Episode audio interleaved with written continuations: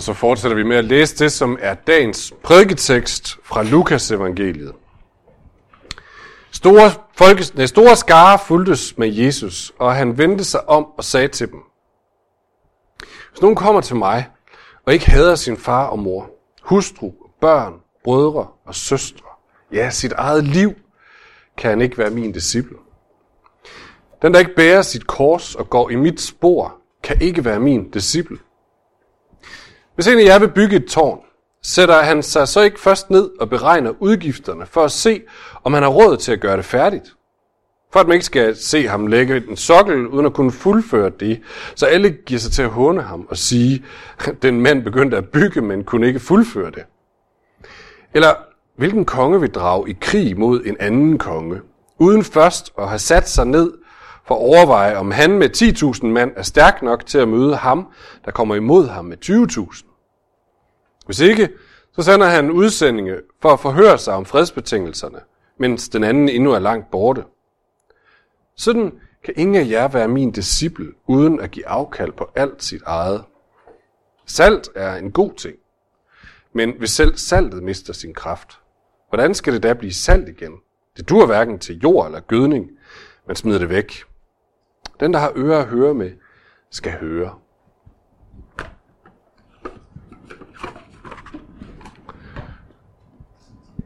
Nu har jeg et glas vand. Hvis nogen af jer sidder og er ved at dø, så må man gerne lidt ud og tage et glas vand, for det er varmt i dag. Det er varmt. Det sidste gudstjeneste inden ferien her i kirken. Nogle af jer er måske gået på ferie. Nogle af jer har måske lige afleveret børn på børnelejr i Tommerup. Øh, nogle af os har måske nogle ugers arbejde endnu, men er mentalt gået mere eller mindre på ferie. Og hvis jeg har det som mig, så længes vi lidt efter den der sådan, feriens lethed. Man håber, den indfinder sig. Der, hvor man pludselig opdager, at telefonen har ligget henne på hylden hele dagen, og man har ikke haft trang til at tjekke den. Man egentlig bare smider benene op med sådan en lille let sommerøl, eller sådan noget i den stil. Og så skal vi læse den her tekst. Og den er alt andet end en let sommerøl. Ingen kan være min disciple uden at give afkald på alt sit eget, siger Jesus. Velkommen på sommerferie. Det føles lidt som om det her det er ved at blive et mønster. Øh, jeg sagde det samme i søndags, hvor vi havde vores 10 jubilæum. Nogle af jer var der. Jeg har ikke valgt den her tekst.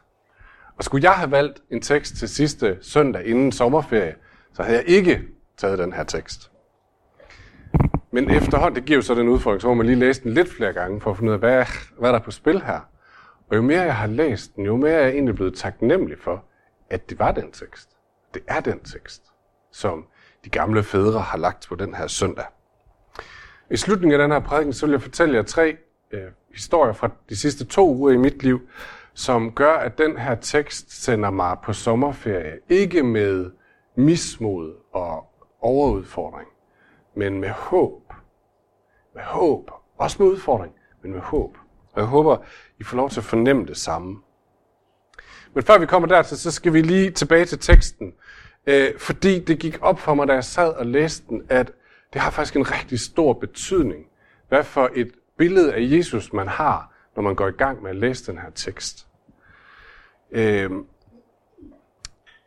i vores tid, der er der rigtig mange tilbud til, hvordan skal jeg lige forstå mit liv, hvordan skal jeg vælge at prioritere.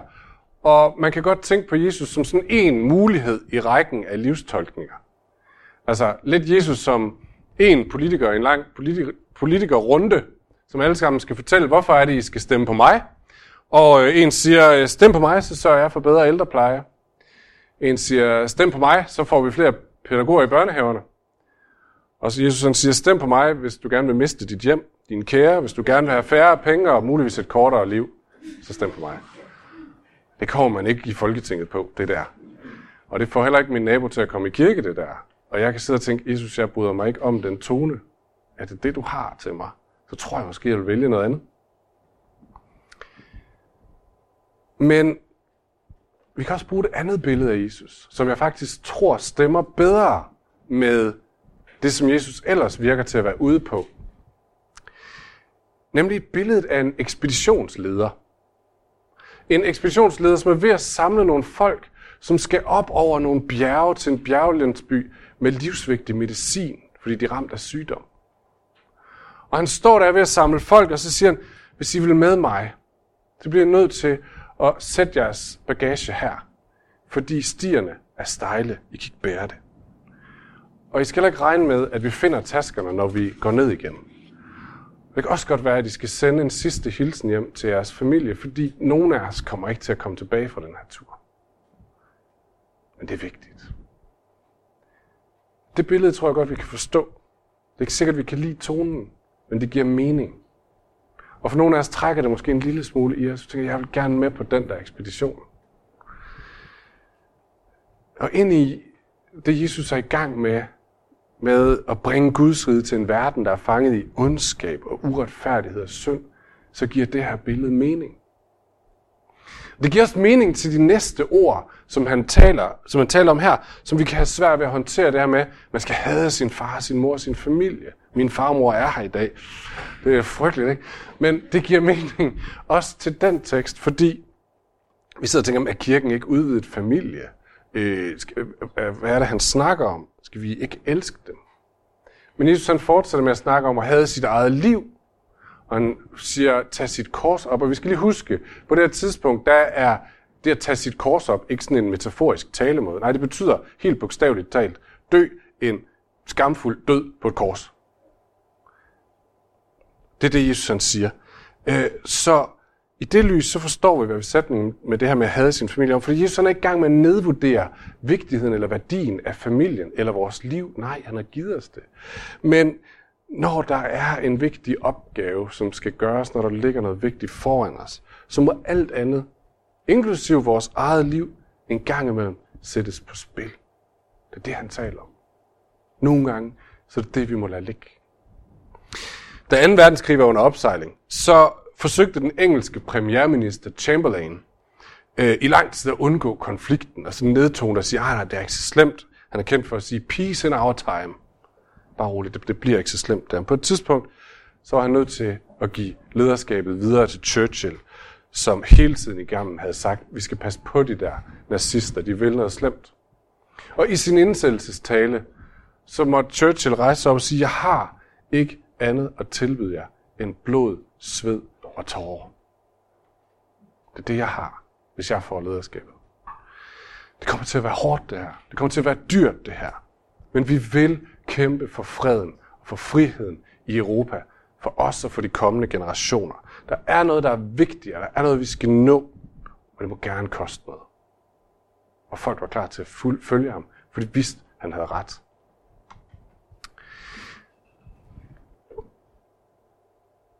Jesus han fortsætter med to andre billeder, som vi kan bruge. Billedet af tårnet og billedet af krigen. Nogle gange så skal der bygges et tårn. Nogle gange så skal der udkæmpes en krig. Han siger, du må hellere på forhånd overveje, hvor meget du er klar på at investere for at færdiggøre det her. Så der er altså to ting på spil i det, Jesus han taler om her. Det er ekspeditionen, eller tårnet, eller krigen. Og så er der omkostningerne. Og før vi kan tale om det her med omkostningerne, så skal vi lige tilbage til det her med det første ekspeditionsmålet, eller tårnet, eller krigen. Vi kan også putte et billede mere på det, som jeg egentlig godt kan lide. Noget, Jesus taler om på et tidspunkt, han fortæller en anden historie om en mand, som samler på perler. Og en dag, så finder han en perle, som er så fantastisk. Han må bare have den. Så han går direkte ud, sælger hele sin perlesamling og alt, hvad han ellers har, for at kunne gå hen og købe den der perle, så han kan have den, så han kan holde den. Så måske taler de her forskellige billeder til noget forskelligt i os. Billedet af perlen, billedet af krigen, af tårnet, af ekspeditionsmålet. Hvad er det for en perle, du har fået hos Jesus? Hvad har du opdaget hos ham, som du ikke fandt nogen andre steder?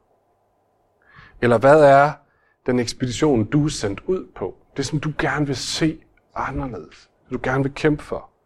Eller hvad er det for et tårn, du gerne vil være med til at bygge? I salme 103 i det gamle testamente, så taler kong David lidt om, hvad er det, han har fundet hos Gud. Og han siger tre ting, som kun Gud kunne give ham. Han skriver sådan her, han tilgiver al din skyld. Han helbreder alle dine sygdomme. Han udfrier dit liv fra graven. Så hos Gud kan man finde tilgivelse. Det fandt kong David. Uanset hvad for en synd man slæber rundt på. Uanset hvad det er, der tynger vores samvittighed. Her er en befrielse fra fortiden. Hos Gud er der helbredelse, siger David. Fra fysiske sygdomme, fra psykiske sygdomme, men også fra sår, som livet har givet os. Fra depression, fra angst. Og nogle, af den her, nogle gange skal vi få lov at opleve den her helbredelse nu. Noget af det er først i evigheden, som Christina også sagde det før. Men der er helbredelse. Og det sidste, der er udfrielse fra graven. Det betyder, selv døden ikke længere er en fjende. Det betyder, at der, hvor vi lægger vores kære i graven, så ved vi, at der er en opstandelse. Men det betyder også, at vi skal få lov at blive løftet fra graven i det her liv. Der, hvor mørket har fået lov at omslutte vores hjerte og holder det et jerngreb, eller hvor håbløsheden, eller modløsheden, eller misbruget trækker os ned, så lover Gud, der er udfrielse fra graven. Så måske er der nogle af de her af Davids aspekter, eller måske associerer det til noget af det, du har fundet hos Gud, den her perle. Måske er det også med til at tegne et billede af, hvad for nogle tårne vi skal få lov at være med til at bygge her på Fyn. Prøv at forestille jer, prøv at forestille jer, prøv at forestille jer, at vi kan få lov til at være med til at bygge et tårn mod ensomhed i Odense og her på Vestfyn. Et tårn, som vil få indflydelse på hundredvis af mennesker, som sidder alene, skamfulde, forladte, overset. Vi skal få lov til at være med til at bygge et tårn, hvor de opdager, at der er nogen, der vil dem. Gud vil dem. Eller forestil jer, at vi skal få lov til at være med i en her, der er sendt ud mod social ulighed. En her, som vil kæmpe for at give stemme til dem, som er overset af alle andre. Dem, som kun bliver jokket på. Vi skal få lov til at være en del af en her, som viser, nej, du er værd at kæmpe for. Du er elsket, så højt så Gud sendte sin egen søn for din skyld. Eller forestil jer, at vi skal være med i en ekspedition. Vi har et mål. Målet handler om, at der er så mange, der er ramt af stress, af stress og angst i vores samfund. Særligt unge mennesker. Det vil vi ikke se. Vi vil være med i en ekspedition til dem, som fortæller dem, at du kan få lov til at hvile. Du kan få lov til ikke at skamme dig. Du kan få lov til at høre til. Tænk, hvis vi skal få lov at være med i den ekspedition. Både for vores egne børn, vores egne unge og for mange flere. Så hvad for en perle er det, du har fundet? Hvad var det, du hørte hos Gud, eller har oplevet hos Gud, eller erfaret hos Gud, hvor du sagde, det der, det gør noget ved mig. Gør noget ved mig, jeg har ikke fundet det andre steder. Hvad for nogle tårne skal vi være med til at bygge? Så det er måske det ene spørgsmål, du kan tage med på sommerferie her. Hvad er det, jeg har fundet hos dig, Gud? Måske jeg har jeg glemt det. Måske er det meget langt væk. Hvad var det, jeg fandt hos dig? Og så er det det andet spørgsmål. Hvad må det koste? Hvad må det koste? Og igen, er der igen, der, der er noget med billedet af Jesus her, som vi skal, skal være sikre på er på plads. Fordi Jesus, han er ikke en jysk brugtvognsforhandler. Det kan man godt tænke. Det er han ikke. Han er ikke sådan en, der siger, hvis du nu giver mig alt, så får du den her perle. Det er ikke det, han siger. Tværtimod. Jesus han siger, du får den her perle. Du får den her perle. Alt mit er dit. Du får det. Men vi er altid i fare for, at noget eller nogen stjæler det fra os igen. At vi mister grebet, så at sige. Ikke fordi der er nogen, der er stærkere end Gud, men fordi vi har et valg. Vi har et valg om, hvor godt vi holder fast på den her perle. Jeg kan huske, da jeg var studerende i Aarhus her for et par år siden, øh, og mange af mine venner, de begyndte at flytte til København så gik historien vældig ofte på samme måde. De landede ikke lige i noget kirkefællesskab, og efterhånden så æbbede det her med tro ud for dem. Den her perles værdi, den smuldrede. De mistede den igen.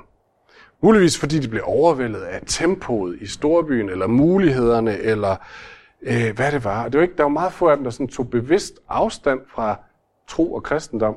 Det var bare som om, der var noget andet, der blev mere værdifuldt. Og mit håb og min bøn er, at Gud på et tidspunkt bringer dem et sted hen, hvor de kommer i kontakt med perlen igen. Med det, de havde fundet der. Ligesom i lignelsen med den fortabte søn, der skal langt væk hjemmefra, før han opdager, når jeg, jeg havde noget hos min far, jeg ikke selv har kunne skabe. Men det er meget, meget let at slippe, slippe grebet omkring den her perle. Det er ikke Gud, der tager den tilbage. Det er os, der bliver slappet i fingrene.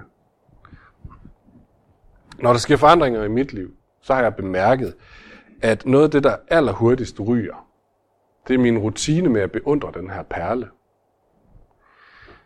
Min tid med Gud. Og så går der oftest noget tid, før jeg opdager, at det er det, der er sket. Og jeg opdager det som regel, fordi at det ikke gør noget godt ved mig på min inderside, at jeg ikke beundrer perlen. Så bliver mit fokus rettet indad mod mine egne ambitioner, mine egne evner, min egen frygt, min egen bekymring. Det er ikke godt for mig. Ikke at beundre perlen. Igen, det er ikke Gud, der tager perlen fra mig. På ingen måde. Det er mig, der mister grebet lige så stille. Det er så nemt at blive duperet over min egen vigtighed, eller over mulighederne, over tempoet, over hvad der kunne ske, hvis jeg bare lige, og så videre. Det er så nemt at sætte sig selv op på den trone, som egentlig er Guds trone. Og det gør bare ikke noget godt ved mig. Så jeg må lade Gud lede mig tilbage. Og lige i tiden, der, der er noget underligt noget. Det, jeg er begyndt at høre lovsang. Det har jeg, det, det er der folk, der snakker om, det har jeg aldrig rigtig fået så meget ud af, sådan at lytte til. Men lige i tiden, der gør det virkelig noget godt ved mig, at nogen står og synger om perlen lige ind i øret på mig. Og bliver ved med at synge om Gud, hvor god han er. Hvor godt det er, det han har gjort for mig, det han gør for mig. Hvor vigtigt det er for mig. Så lige nu, der er det det, øh, jeg delvist lever af. Og det må hjælpe mig til at se, hvad er det for nogle ting, som jeg må give slip på, for at kunne holde fat i perlen. Hvad er det for nogle ting, jeg må give afkald på, må sælge, må skille mig af med, for at kunne holde fast i den her perle. For at gå med Jesus på den ekspedition, og ikke lave alt muligt andet pjat. Hvad er det, jeg pludselig er begyndt at klamre mig til? Penge, eller drømmen om mig selv, eller kontrol over min virkelighed, eller hvad er det pludselig, der er blevet så vigtigt for mig, at perlen har mistet sin værdi?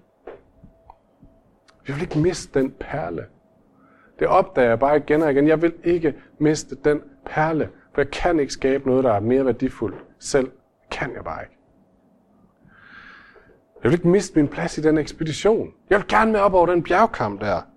Jeg vil gerne med ud til bjerglandsbyen. Jeg vil gerne være med til at bygge det tårn. Jeg vil gerne være med til at føre krige. Hvordan Gud end vil, at det skal se ud i vildskab eller stilfærdighed, men jeg vil gerne være med på det hold. Det er det, jeg vil.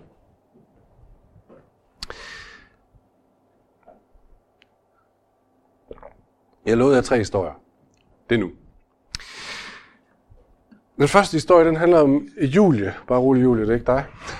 Den handler om en Julie, jeg mødte for to uger siden i Norge. Faktisk præcis to uger siden. En søndag. Øh, Julie havde lige afsluttet et bibelskoleophold i Stavanger, og hun fortalte sin historie. Øh, og det gjorde hun til en gudstjeneste, og så sad jeg og snakkede med hende bagefter, så jeg kan godt dele det her.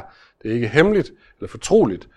Men hun fortalte, at for to år siden boede hun i Mexico. Der var hun dybt involveret i alle mulige former for sådan en nyreligiøs praksis og søgen. Der hun faktisk, faktisk boet i syv år, og var blandt andet i, blevet døbt med en eller anden shamanistisk dåb, og alt muligt forskelligt, i sådan en søgen efter det værdifulde punkt, holdepunktet for hendes liv. Og i en af de her processer i slutningen af de her to år, så havde hun været i en eller anden tranche og havde skrevet på et stykke papir, jeg er åben for dig, Kristus. Det skulle hun aldrig have gjort. Fordi ganske kort tid efter, så dukkede Jesus op hjemme i hendes stue. Og i et øjeblik opdagede hun, at her var alt det, hun længtes efter. Her var alt det, hun havde søgt efter så lang tid, og var rejst om på den anden side af jorden efter. Han var lige der. Og der gik ganske få dage, og hun oplevede at blive tilgivet. Hun oplevede at være kommet på vildspor, og Jesus han sagde, det er fint, kom med her tilbage, og tilgiver dig. Og efter ganske få dage, så gik hun ned til vandet og kylede hele sin samling af værdifulde krystaller i havet. Brændte alle sine papirer. Og da Jesus sagde til hende, nu skal du rejse tilbage til Norge, det har hun aldrig troet. Så sagde hun, det er godt, det gør jeg. Kom tilbage til Norge, kom på bibelskole. Og da jeg sad og snakkede med hende der om aftenen i en sofa, så var det overvældende, for hun strålede af den perle, hun havde fundet. Og hun fattede ikke, at folk ikke kunne se det. Hun var sådan helt... Det altså væltede bare ud af hende. Den er så fin. Han er så lys, sagde hun. Det er lys, det hele. Nå, det var den ene historie. Den anden historie, det er faktisk historien om Fyns valgmenighed. Vi havde 10 jubilæum i søndags, som nogle af jer ved. Øh, og det giver jo altid anledning til sådan at blive lidt gammel og sidde og reflektere lidt over tingene. Øh, for 10 år siden, så fik vi sådan flere påmindelser fra Gud i forskellige sammenhænge. Et om, at, vi vil, at der vil komme lys op af kloakkerne i Odense. Et om, at øh, planter ville spire frem af brostenene. Og et om, at øh, vi, ville, vi havde sådan en lille økse, og så hakkede vi i isen, og vi skulle hakke meget lang tid, og øksen var meget, meget lille, men på et tidspunkt ville der komme vand ud. Og i over 10 år har vi hakket, og hakket, og hakket, og hakket, og brugt kræfter, og bønder, og penge, og tid på at være kirke, og nogle gange er jeg blevet grebet af, er det det værd? Er det bøvlet værd? Det virker så småt, det virker så skrøbeligt, det virker så ligegyldigt. Men når jeg så kigger tilbage 10 år, så ser jeg bare noget andet. Jeg taler ikke om bygninger, jeg taler ikke om antal mennesker. Jeg taler om mennesker, som er blevet forvandlet. Mennesker, som var et sted, og hvor Gud har fået lov til at flytte dem et andet sted hen. Fra mørke til lys, fra håbløshed til håb. Nogen, som har fundet perlen. Det har kostet noget. Jeg har saft sus med det her. Men det er det værd. Og den sidste historie, det er fra i fredags. Der begravede vi min gamle farmor. Og min farmors liv, det ved nogen af jer, har haft stor indflydelse på mig, på min familie. Og til den her begravelse blev det tydeligt, det havde hun også på rigtig, rigtig mange andre mennesker. Øhm, ikke fordi hun var sådan en karismatisk person med store armbevægelser, som var alle steder over det hele, hele tiden. Tværtimod, hun var sådan en meget sindig norsk dame, øh, med en lidt sjov dialekt. Jeg ved nogen af jer, som har hørt hende tale. Øh, men jeg havde den fornemmelse af, at hun holdt stilfærdigt fast i det, som Gud lagde foran hende hver dag. Hun gjorde det med stor trofasthed. Skrev breve i hånden, bagte boller, sendte gaver osv. En gang for mange år siden spurgte jeg hende, hvordan opdrager man sine børn godt? Hun havde syv af dem, og hun mistede sin mand, øh, da børnene var ret små, nogle af dem i hvert fald. Så hvordan opdrager man dem? Og så svarede hun meget stilfærdigt noget i retning af, Sørg for at spise morgenmad og aftensmad sammen hver dag. Og så gå i kirke om søndagen. Det er ikke vildt. Det er faktisk heller ikke rigtig svært. Men det er trofast. Og på hver eneste gang, så sætter hun sine egne behov en lille smule til side. Dør en lille smule fra sig selv. Det hun lige havde lyst til. For at gøre det, som Gud lægger for hende. For at være tro og gøre det, som Gud har lagt for hende. Og når vi var på sommerferie, så havde hun sådan et lille ritual. Når vi spiste morgenmad, så listede hun af med sin bibel, fandt en bænk et sted, slog op, læste dagens salme, og så bad hun. Og hun havde en liste over dem, hun bad for. Øh, blandt andet sine børn, svigerbørn, børnebørn, svigerbørnebørn og oldebørn. Den liste var på 92 øh, personer. Plus lidt flere.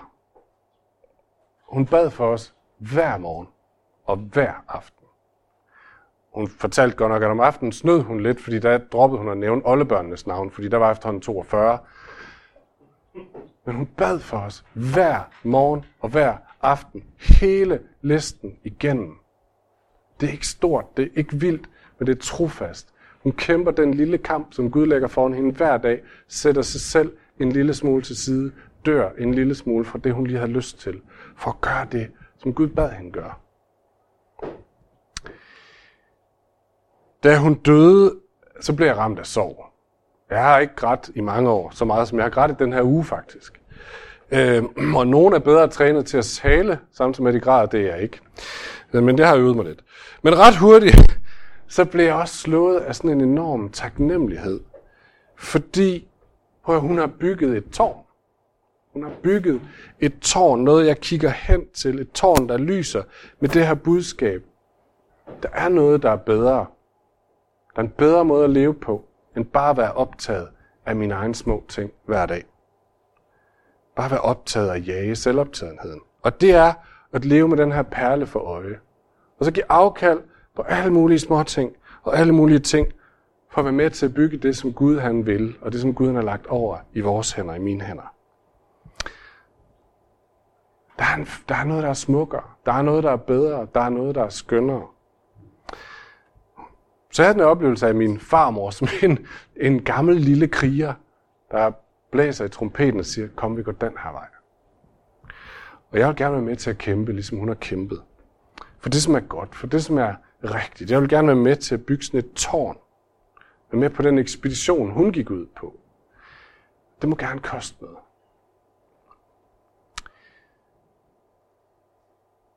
Fordi sandheden er, at ham, som vi følger, ham som leder ekspeditionen, han gav afkald på alt for os. Der var ikke noget, ikke engang hans eget liv, han ikke var klar til at betale, for at få lov til at være sammen med os. Vi kan snakke om en perle. Hvad er hans perle? Det er du. Det er jeg. Den perle, han fandt, som var så værdifuld, at han sagde, okay, jeg er klar til at sælge alt, så bare jeg kan få den her perle. Det er dig, og det er mig, og det er folk her på Fyn. Det er os, der sidder i den bjerglandsby, hvor han siger, jeg er klar til at gå op til den, selvom jeg ikke kommer tilbage. Det er ham, der har betalt alt for at nå os. Og han kommer aldrig nogensinde til at slippe sit greb på sin perle. Lad os bede sammen. Jesus, tak fordi, at vi er din perle. Tak fordi vi er dem, du går i krig for. Jesus, tak fordi så værdifuld er vi for dig. Jesus, jeg beder om, at vi må få lov til at se det. At vi må, den her perle, som er vores perle, må få lov at skinne for os. Der, hvor vi mødte dig. Der, hvor vi møder dig. Brug du den her sommerferie på at snakke med os om det igen. Mind os om det på forskellige måder. Og vil du så også vise os, hvad er det, der holder, der gør, at vi så let giver slip på perlen? Hvor er det, vi skal give afkald på noget? Hvad er det, vi skal forlade? Hvad er det, vi skal stoppe med? Hvad er det, vi skal slippe? For at den her perle får lov til at skinne endnu tydeligere for os, og for at vi går efter den. Gud, ved din kraft og ved din velsignelse kan du få lov til igennem os at bygge et tårn af din kærlighed her på Fyn. Jesus, det vil vi gerne være med i. Vi ved godt, at vi er for skrøbelige, og vi formår det ikke. Men Jesus, vil du flamme det op i os, så vi ser din skønhed, din frelse. Amen.